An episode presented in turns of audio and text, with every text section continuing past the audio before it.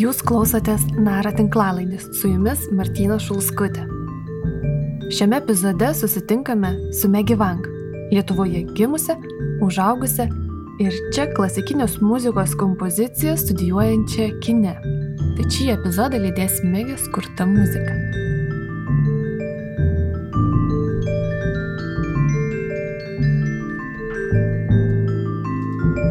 Mano tikrasis vardas yra Cui pavardė Wang. Kiniškai vardai pradedami nuo pavardės, tai būtų pilnas Wang Cui Chi. E, bet tiesiog nuo pat gimimo mane vadina, vadindavo ir šeima, ir visi kiti e, mėgė, kad galbūt patogiau būtų. Šį patogesnį vardą mėgiai sugalvojo tėtis. Ir tėtis, nu, ir šitą kinišką vardą irgi jis davė. Cvičiai. Jisai reiškia išvertus retas, kažkas reto, neįprasto. Jo, tokia būtų tiesioginė reikšmė. Kinijoje yra dažna turėti retą vardą. Ir tai Megė gali paaiškinti. Tiesiog Kinijoje labai dubliuojasi pavardės visas. O vardai, santykinai, tai jie dubliuojasi rečiau žymiai, nes reikšmę galima pasirinkti tiesiog, nes ten vienas žodis, vis kita reikšmė. Tai iš tų kombinacijų ir susideda įvairūs vardai su įvairiom reikšmėm. Ir iš tikrųjų gal, na, kai kas yra sakęs, kad mano vardas labiau toks vyriškas, galbūt labiau nes ten nu, nėra nei giminių kalboje, tai tiesiog na, gali būti ir moters, ir vyro vardas toks. Grįžus į Kiniją, patogumo sumetimais, Megė artimieji ir ten vadina Megė. Jis aišku, jis neskamba taip kaip lietuviškai Megė, ten labiau su tokiu akcentu, tai būtų mekiai, tarkim, arba mane močiutė kaip taip sukombinuotai pusiau europietiškų, pusiau kiniškų būdavo mečiai. Tai, bet tiesiog, na, aš suprasdavau, kad tai kreipiamas į mane, tai tiesiog aš pripratus, kad mane vadintų Megė arba Megiai. Visgi iš visų savo vardo variantų, Megiai artimiausias lieka tas, kuriuo ją nuo mažens kreipėsi mama. Tai tiesiog jinai Na, mane Megi vadindavo. Šiame NAR epizode su Mege kalbėsimės apie jo šeimos istoriją Lietuvoje. Tai bandymas šiek tiek praverti duris į mažai aptariamą kinų tautinę bendruomenę Lietuvoje. Sovietmečių Lietuvoje kinų nebuvo daug. Nebuvo jų daug ir dar anksčiau. Megės mama čia atvyko apie 1996 metus Ir nors tai tik faktas vienos šeimos istorijoje, tačiau tokia data neiškrenta ir iš bendros kinų Europoje istorijos. Tad prieš grįžtant prie susitikimo su Megevang, trumpai apie ilgamžę migracijos Kinijoje ir iš jos istoriją. Kinai į užsienio valstybės prekiauti ir gyventi keliavo nuo labai seniai Prekybininkai ir budistų piligrimai pietričių Azijos ir Indijos krantus pasiekė šimtmečiais anksčiau nei vakarų tyrinėtojai. Milijonai kinų apsigyveno jūrinėje pietričių Azijoje. Vėliau šiuose regionuose įsitvirtinus vakarų kolonialistams ir pakeitus Kinijos imperijos įtaką čia, darbininkai kilę iš Kinijos ten negryžo. Jie užėmė svarbę nišą naujųjų kolonialistų ekonominėse veiklose. Karinis užkariavimas, priekyba ir migracija paprastai lydėjo Kinijos imperijos plėtimąsi ir tautų, kurios pateko jos kontrolės signifikaciją. Vėliau Kinijos komunistų partija taip pat naudojosi Hanių etninės grupės sudarančios Kinijos daugumą migraciją. Tokia priemonė buvo pasitelkiama sustiprinti savo įtaką tokiose teritorijose kaip Tibetas ir Sinziangas, nes juose tradiciškai daugiausiai gyvena ne Hanių etninių grupė - tai tibetiečiai, uigūrai, kazahai. Ir vidinė migracija, ir emigracija užsienin buvo ir yra Kinijoje intensyvi. Politiniai veiksniai dažnai buvo svarbus skatinant ar stabdant migrantų srautą. Be to, užsienio šalise jau įsikūrę giminaičiai sudarė sąlygas vadinamai grandininiai migracijai. Iš Kinijos žmonės taip pat stumė skurdas kaimuose, o Europą traukė geresnio gyvenimo galimybės. Istoriškai apibendrinant, ryškios emigracijos iš Kinijos bangos kyla į dvi dalis - iki antrojo pasaulinio karo ir po jo.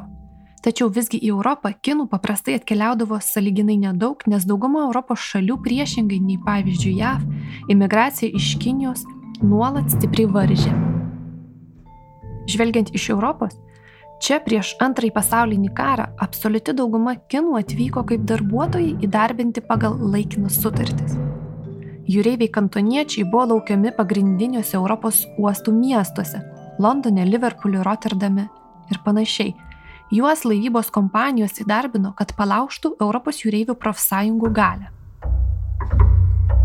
Vykstant pirmajam pasauliniam karui, sąjungininkų pajėgos įdarbino daugiau nei šimtą tūkstančių žmonių iš rytinių Kinijos regionų Po 1917 metų Rusijoje pasilikę sutartininkai padėjo bolševikams kare prieš baltuosius. Ispanijoje kinų savanoriai iš JAV ir Kinijos komunistų partijos siūsti kariai prisijungė prie tarptautinių brigadų kovoje su Franku.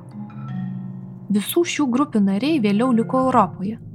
Dauguma kūrė smulkius verslus ir jų veikla sviravo nuo baldų gamybos iki maitinimo ir iki prekybos kiniškais akmens suvenyrais. Saliginis ramybės arba neemigravimo laikotarpis Kinijoje truko nuo 20-ojo amžiaus pradžios, tai yra maždaug antrojo dešimtmečio, iki pat 80-ojo dešimtmečio, kai komunistinės revoliucijos atnešti neramumai šiek tiek nusistovėjo. Apie 85 metus po dešimtmečius trukusios stiprios migracijos kontrolės, kinai vėl įgyjo didelę laisvę judėti ten, kur jie matė geresnio gyvenimo perspektyvas Taip kilo Leaf China Fever vadinama banga - karštlygė palikti Kiniją. Masiškumas ir staigumas, su kuriuo ši banga prasidėjo, ir valdžios nesugebėjimas ją suvaldyti, sukūrė tokią migraciją, kuri tapo klestinčios ir dinamiškos visuomenės vaikų. Tad apibendrinant galima sakyti, kad kinai į Europą atvyko ir apsigyveno penkiomis skirtingomis imigracijos bangomis Keturios pirmosios įsikūrė daugiausia Prancūzijoje, Didžiojoje Britanijoje, Niderlanduose, Belgijoje ir Vokietijoje, Ispanijoje ir Portugalijoje bei Skandinavijoje. Mums šiuo atveju įdomiausia ir aktualiausia penktoji - dešimtojo dešimtmečio banga, kai žlugo sovietų režimas rytų Europoje ir buvusioje Sovietų sąjungoje. Imigrantai į šias vietas yra skirtingos kilmės nei kitos kinų grupės Europoje Daugelis yra gerai išsilavinę miestiečiai iš Šiaurės Kinijos. Todėl kinų bendruomenės rytų Europoje skiriasi nuo vakarų ir pietų Europos. Pastarosios tradiciškai turi mažai ekonominių ryšių su Kinija. Jie sukuria savarankiškas etninės nišas, priimančios šalies ekonomikoje, paremtas restoranais ar priekyba kadangi jie kilę iš kaimų, kurie ištisas kartas emigravo, daugumai jų migracija vyksta beveik natūraliai. Šiaurės kinai rytų Europoje priešingai buvo emigracijos iš savo krašto pionieriai. Jiems migracija dažnai yra individualus sprendimas. Daugelis jų rėmėsi savo ryšiais su valstybinėmis įmonėmis ir priekybos tinklais Kinijoje. Atvykę jie atrado prekių ir paslaugų nepakankamai aprūpintą vietos ekonomiką. Kino Europoje istoriją papasakojau remdamasi 98 metais leista knyga The Chinese in Europe. Ja parengė Kinijos tyrėjai Gregor Benton ir Frank Nikolas Pykė.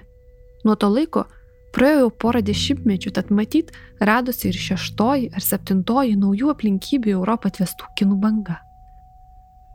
Tačiau šiame pasakojime mes galime likti ties penktąją, nes Megės mama į Lietuvą atvyko būtent su ja apie 96 metus. Tipiškai į posovietinę Europos dalį pirmieji atvyko žmonės iš Šiaurės Kinijos. Visgi, nors Megė senelis, mamos tėtis ir buvo kilęs iš Šiaurės Kinijos, jis iš ten išvyko į Kinijos pietus ir Megės mama jau augo Guangsi provincijoje, esančioje netoli Vietnamo. Iš ten jie ir atvyko į Lietuvą. Mano mamos giminaitė kažkuri čia Lietuvoje studijavo rusų kalbą. E, čia buvo Lietuva neseniai tik tais atgavus nepriklausomybę. tiesiog pakvietė mano mamą čia atvažiuoti, galbūt, na, užsimti verslu, nes tuo metu, nu, dar buvo vis tas prekių deficitas, tai jinai čia atvažiavo iš pradžių užsimti importų ir eksportų. Čia buvo turbūt 94 ar 96 metais. Tėtis, jisai, jisai buvo tik tais kelis kartus atvažiavęs, jisai labiau Kinijoje ten ieškodavo ir rinkdavo prekes, kad konteineriais atsiųstų į Lietuvą. Megės šeima visą jos gyvenimą buvo išsisklaidžiusi, bet palaikė santykius per nuolatinį nuotolį. Daug artimųjų buvo ir yra Kinijoje. Gyvenimą Lietuvoje Megės mama pradėjo praktiškai viena. Na, paskui kaip ir aš gimiau, tada aš čia ir darželį pradėjau lankyti, ir mokyklą, ir kažkaip įsikūrėm čia.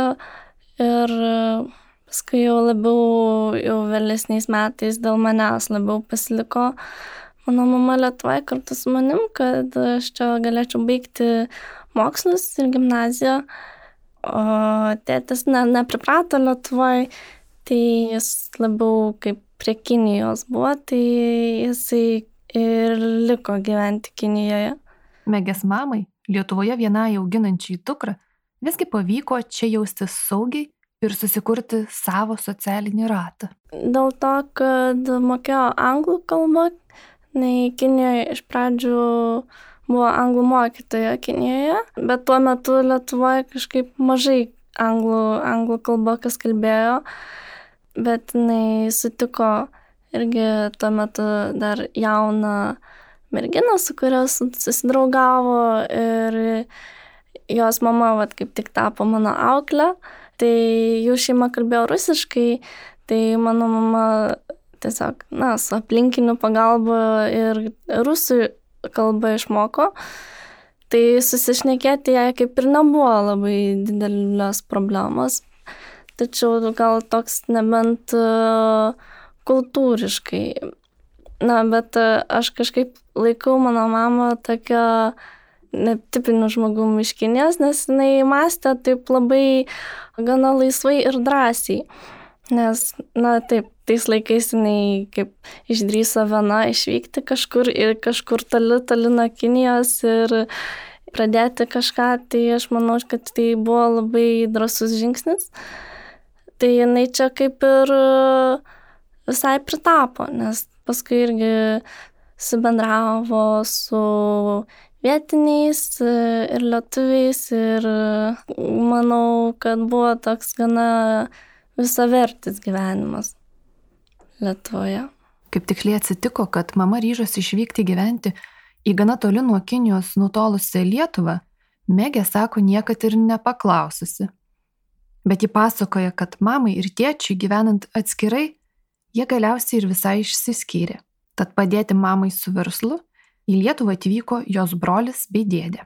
Irgi čia atvažiavo padirbti truputį, mums padėti mamai padėti su įmonės reikalais, bet vėliau visgi grįžo į Kiniją sukurti šeimos e, pusbrolis, o dėdė, nu, jis jau vyresnis buvo, na, tai tiesiog grįžo į Kiniją, nu, atgal pas savo šeimą. O iš giminės jo Lietuvoje tik tais šitie žmonės buvo, o paskui mano mama irgi, kai baigiau gimnaziją, irgi grįžo į Kiniją nes uh, turėjom uh, mano mačiutę, kuri buvo na, tokio garbaus jau amžiaus. Jai buvo jau virš 90 metų, kai mano mama grįžo į Kiniją ir jinai, na, kaip jinai gyveno viena, nes mano senelis jau anksčiau jau mirė, tai jinai visą laiką viena gyveno. Nu, dėdė, tai, nu, mano dėdė, tai mano mamos brolis, kaip jis irgi Kinijai, nors ir Kinijai, bet jis truputį kitam mieste. Ir vis vien mano močiutė buvo labai išsilgusi mano mamos, tai mano mama grįžo e, ją pasirūpinti jau. Ir jinai, nu, čia neseniai žiemą, va čia uh, susirgo ir, ir mirė, jau iškeliavo.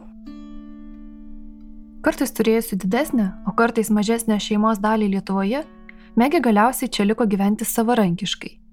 Megės santykiai su šeima yra emociškai artimi ir stiprus, bet neišvengiamai pažymėti nuotoliu. Dėl atstumų, o paskutiniais metais ir dėl COVID draudimų, Megės apsilankimai Kinijoje nėra dažni. Dėl to, mirus močiutį, ji ją galėjo išlydėti tik mintimis. Mano mama tiesiog net uh, man nesakė, kai jinai mirė, jinai tik po kelių dienų man pasakė, tiesiog, na, gal, mm, gal nenorėjo manęs per daug jaudinti dėl šito, šito fakto.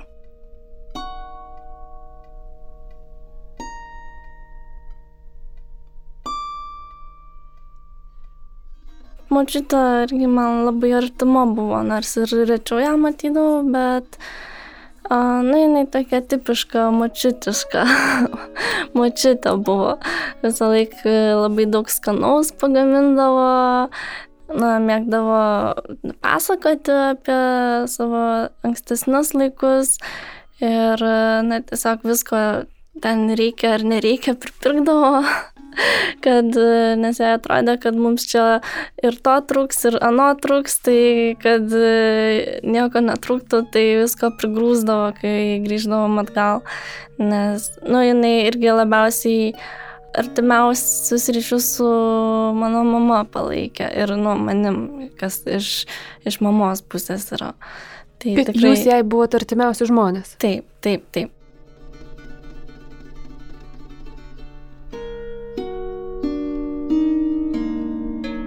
Kiek anksčiausiai, ką galiu prisiminti, tai vis vien susijęs su šeima, tie prisiminimai.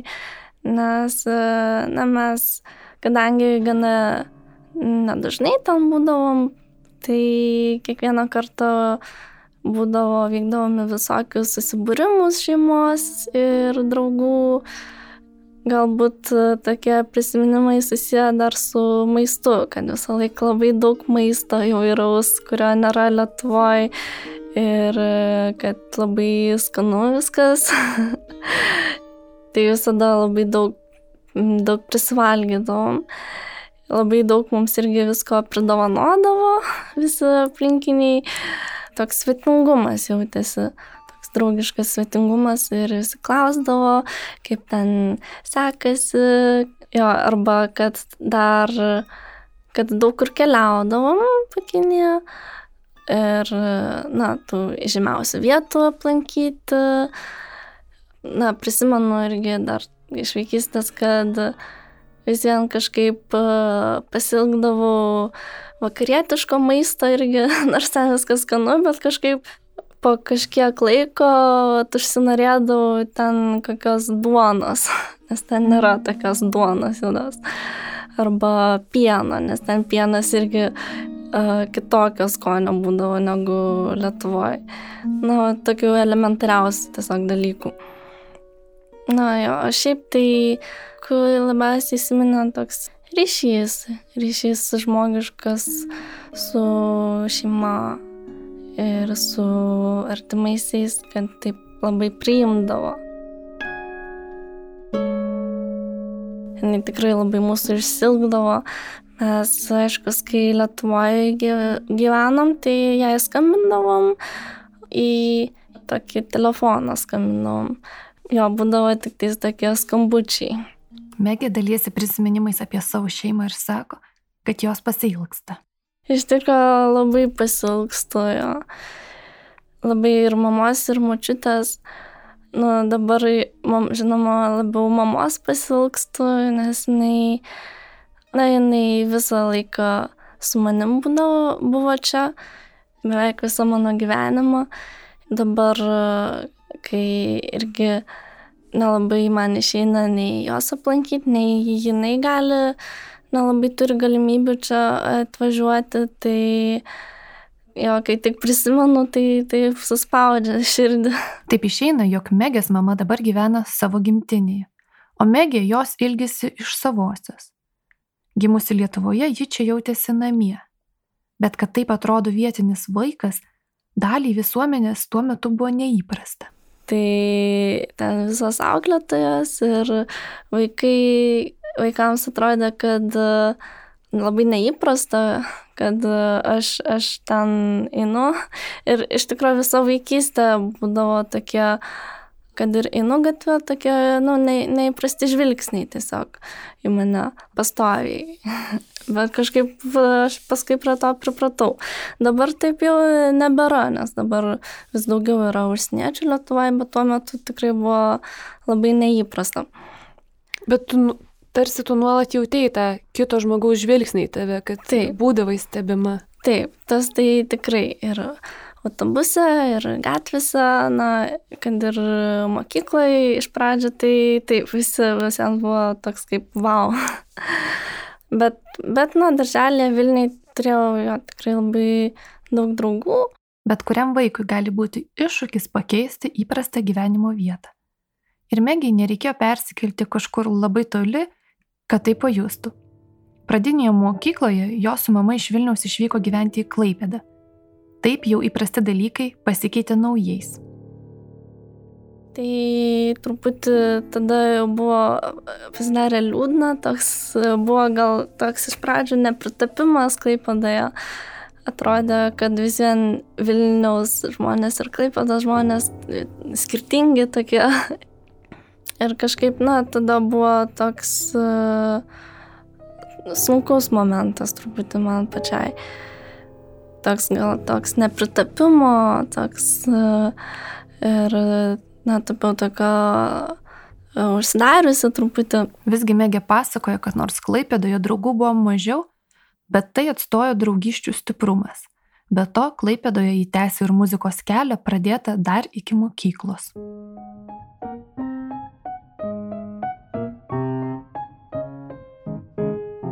Baigus mokyklą ateities prioritetų dėlionėje vietomis stumdėsi tikslieji mokslai ir muzika. Muzika Megiai buvo gerai pažįstama ir prisijaukinta sfera. Lankydama muzikos pamokas ji grojo ir smuiku, ir pianinu. Pradėjau irgi dar kompozicijas lankyti pas uh, Remigijų Šileiką Klaipadai kompozitorių. Ta, čia buvo muzikos mokyklos kaip galimas pasirinkamas dalykas. Aš prisiliečiau prie kūrybos, muzikos kūrimo. Na, man irgi šitas labai patiko. Praleidusi metus dirbdama restorane, Megė ryžosi likti artima muzikai.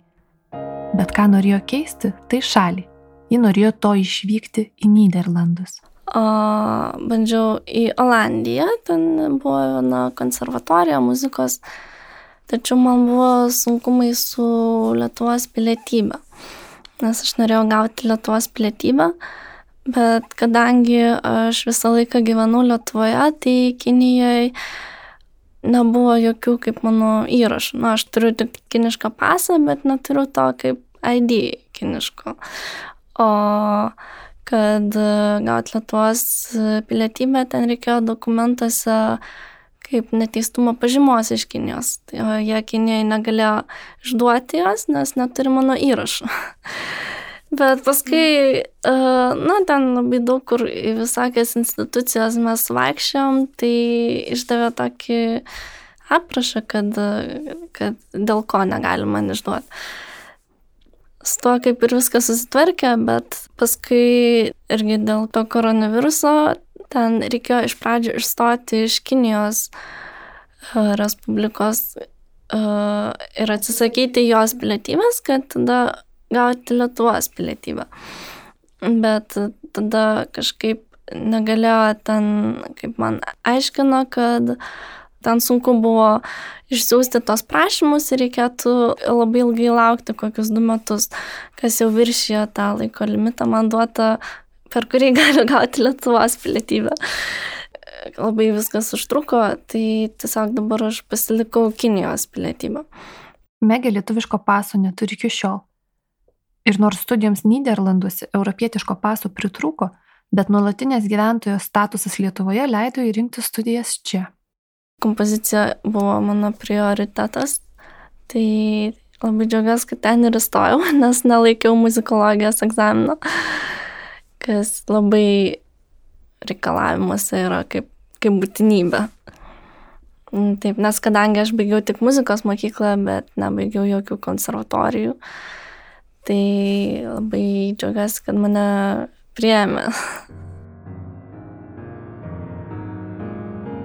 Ar tu dabar jautiesi savo vietoje ir ar matai e, save ateitį kūrenčią muziką ir liekančią šitoj specialybei? Mm, na, man kūryba patinka tikrai, bet uh, Ir aš manau, kad e, ir ateityje liks šalia, bet nesu užtikrinta dar tikrai dėl ateities, ką aš tikrai veikčiau.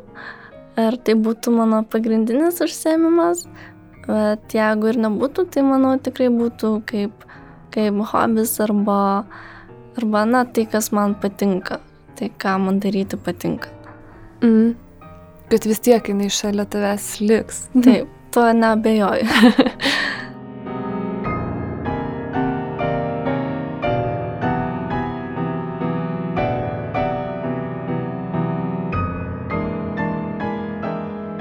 Taip pat kaip muzika, mėgė gyvenime liks ir kalbos.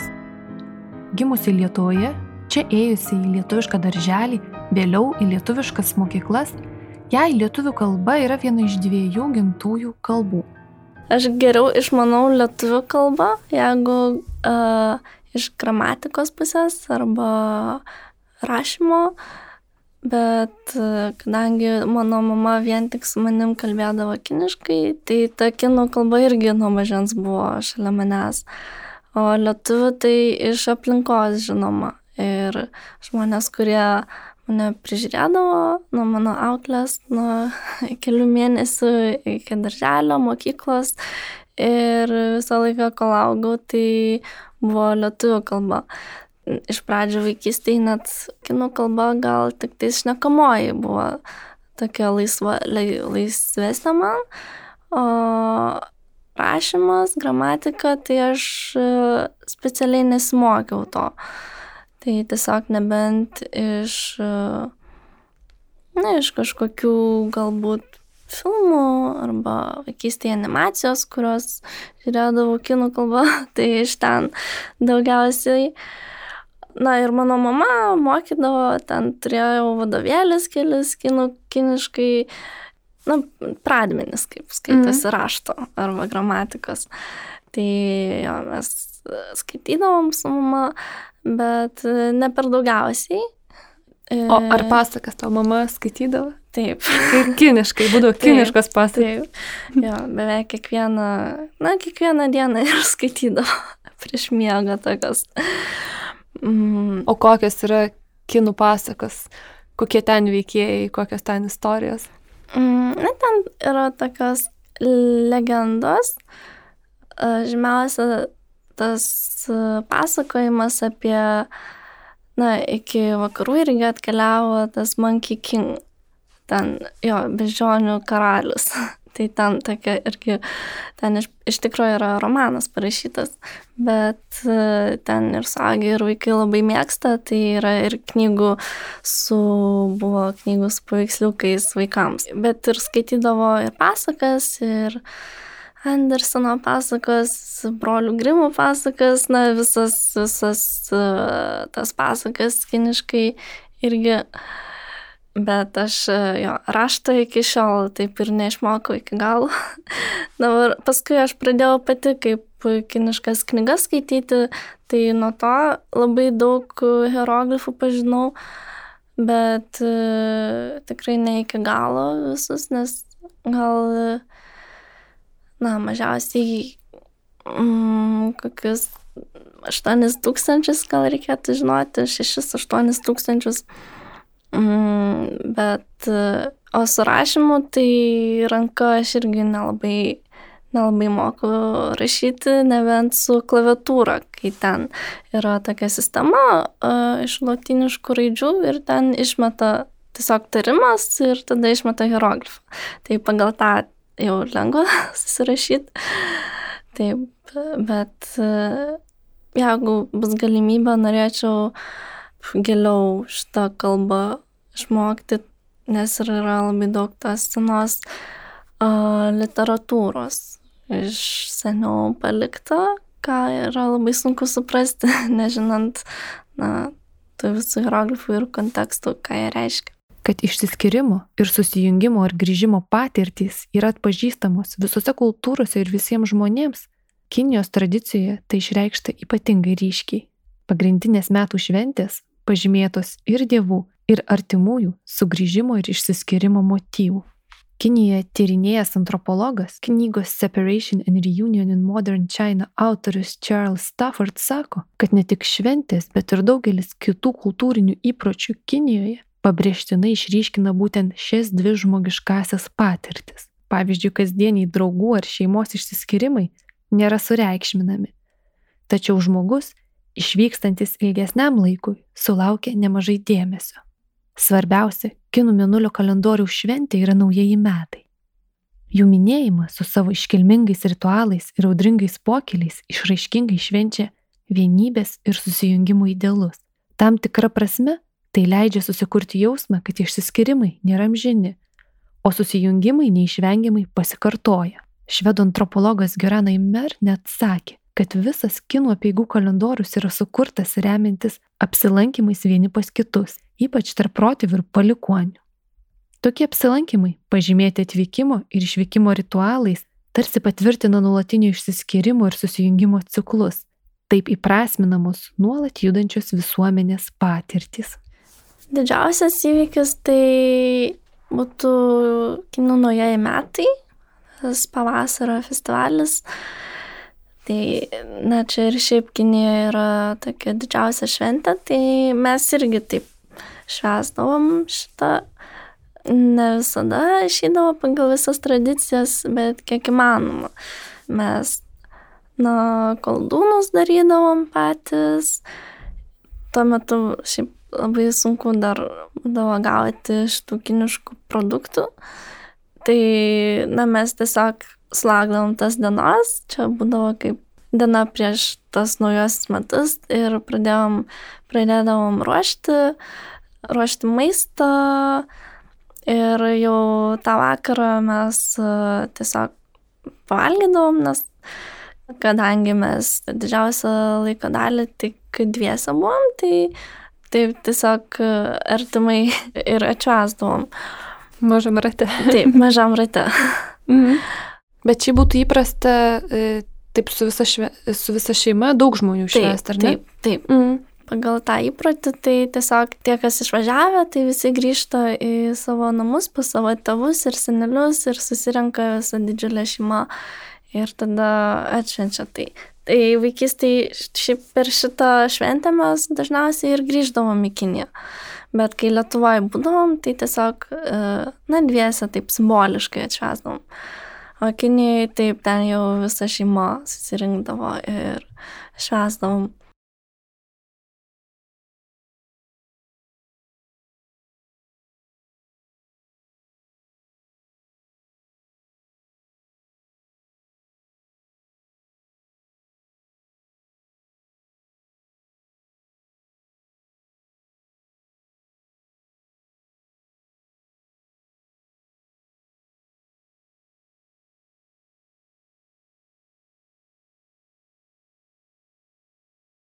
Na, kai mes gyvenom Klaipadai, tai ten dar mažiau buvo kinų negu Vilniui.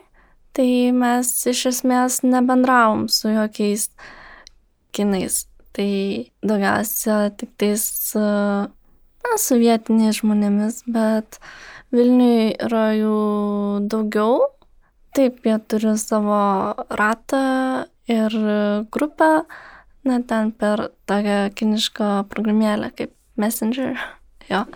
Ir tiesiog, na, jo esant reikalai e, vieni kitiems padeda, na, kai kurie galbūt, na, kurie atvykę studijuoti, kinai studentai, tai o, jie irgi ten savo ratą turi, kai kas, na, artimiau bendrauja, kai kas tolimiau iš tikrųjų nuo žmogaus priklauso, ar jis nori daugiau tiesiog e, tarp kinų likti bendrauti, ar nori daugiau susipažinti su kit, kitų tautybių žmonėm.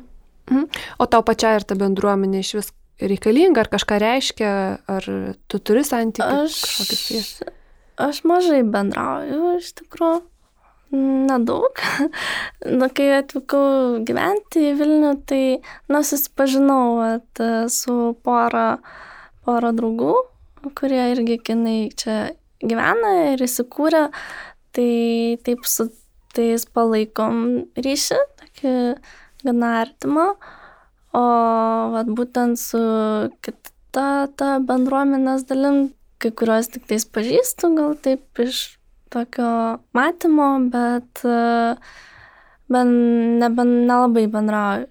Tai iš tikrųjų, nes aš labiau pripratusi prie, na, prie lietuvių, lietuviško gyvenimo. Tai kažkaip man asmeniškai, tai man ir nereikia tas, tas bendruomenės. Na, tik tais, nebent kurie, su, kurio, su kuriais stampa mąstymas, su tais tada, na, aš taip labai atsirenku žmonės, su kuriais bendrauju. Tai taip. Lietuvoje Megė jaučiasi sava. Bet kaip minėjo, kito žmogaus nustebę, susidomėjęs, klausantis žvilgsnis į ją, nuo vaikystės buvo kasdienis ir įprastas. Aršesnių komentarų gyvenime yra pasitaikę, bet saugumo ir namų jausmo jie iš jos neatimė. Megė sako, jog iš dabartinės perspektyvos juos supranta kaip remarkas žmonių, kurie nori į save atkreipti dėmesį. Tiesiog ne pačiu geriausiu būdu.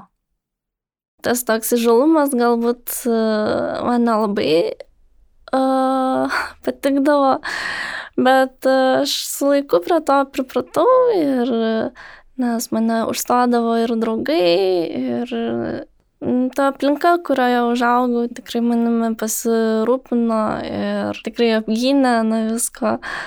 O paskui tai kuo toliau, tuo mažiau būdavo tų žvilgsnių. Tiesiog, na, nes jau ir pripratę buvo labiau žmonės, tai dabar tikrai nesijaučiu kažkokia ten išskirtinė. Lietuvos visuomenė per mėgės gyvenimą tapo atviresnė ir daugia kultūriškesnė. Bet politinėme lygmenyje per tuos porą dešimtmečių atsirado daugiau politinės įtampos tarp Kinijos ir Lietuvos. Lietuva nevengė kritiškai pasisakyti Kinijos klausimais. Įtampa ypač sustiprėjo Lietuvoje atidarius Taivano atstovybę. Mm, na, aš taip labiau iš šalies laikausi. Paskaitau ir, na ką, iš vakarų pusės pasako apie Kiniją, iš Kinijos pusės, ką rašo, na, galbūt ten gali būti propagandos kažkiek, bet, na, aš vis vien bandau taip laikytis iš šalies, nes man asmeniškai, na, sunku yra tiesiog, na, palaikyti kažkuria pusę.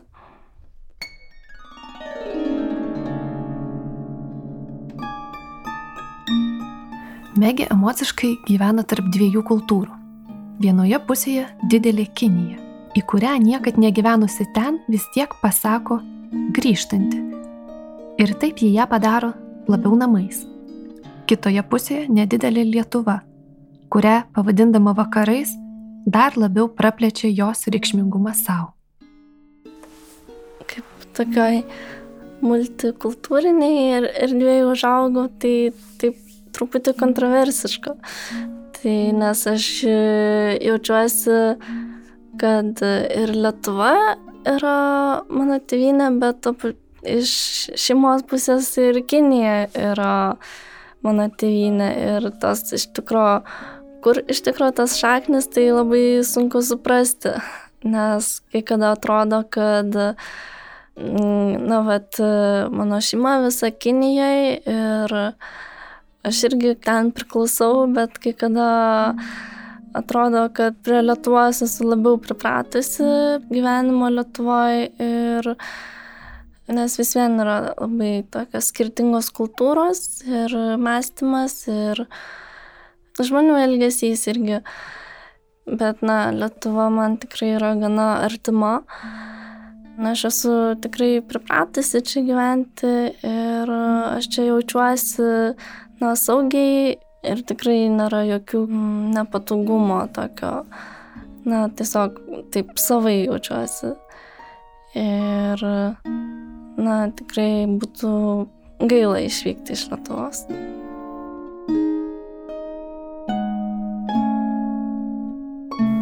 Toks mūsų epizodas šiandien.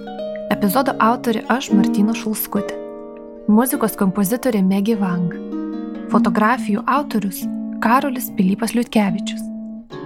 Garso režisierius Adomas Zubi.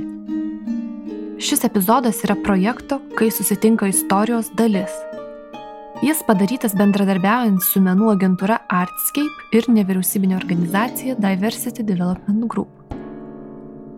Pokalbis buvo įrašytas Martino Mažvydo bibliotekos garso įrašų studijoje. Epizodas finansuotas Asylum, Migration and Integration Fund. Jei jums patinka tai, ką darome, kviečiu prisidėti Contribui ir Steady platformose. Ačiū, kad buvote kartu. Viso geriausio.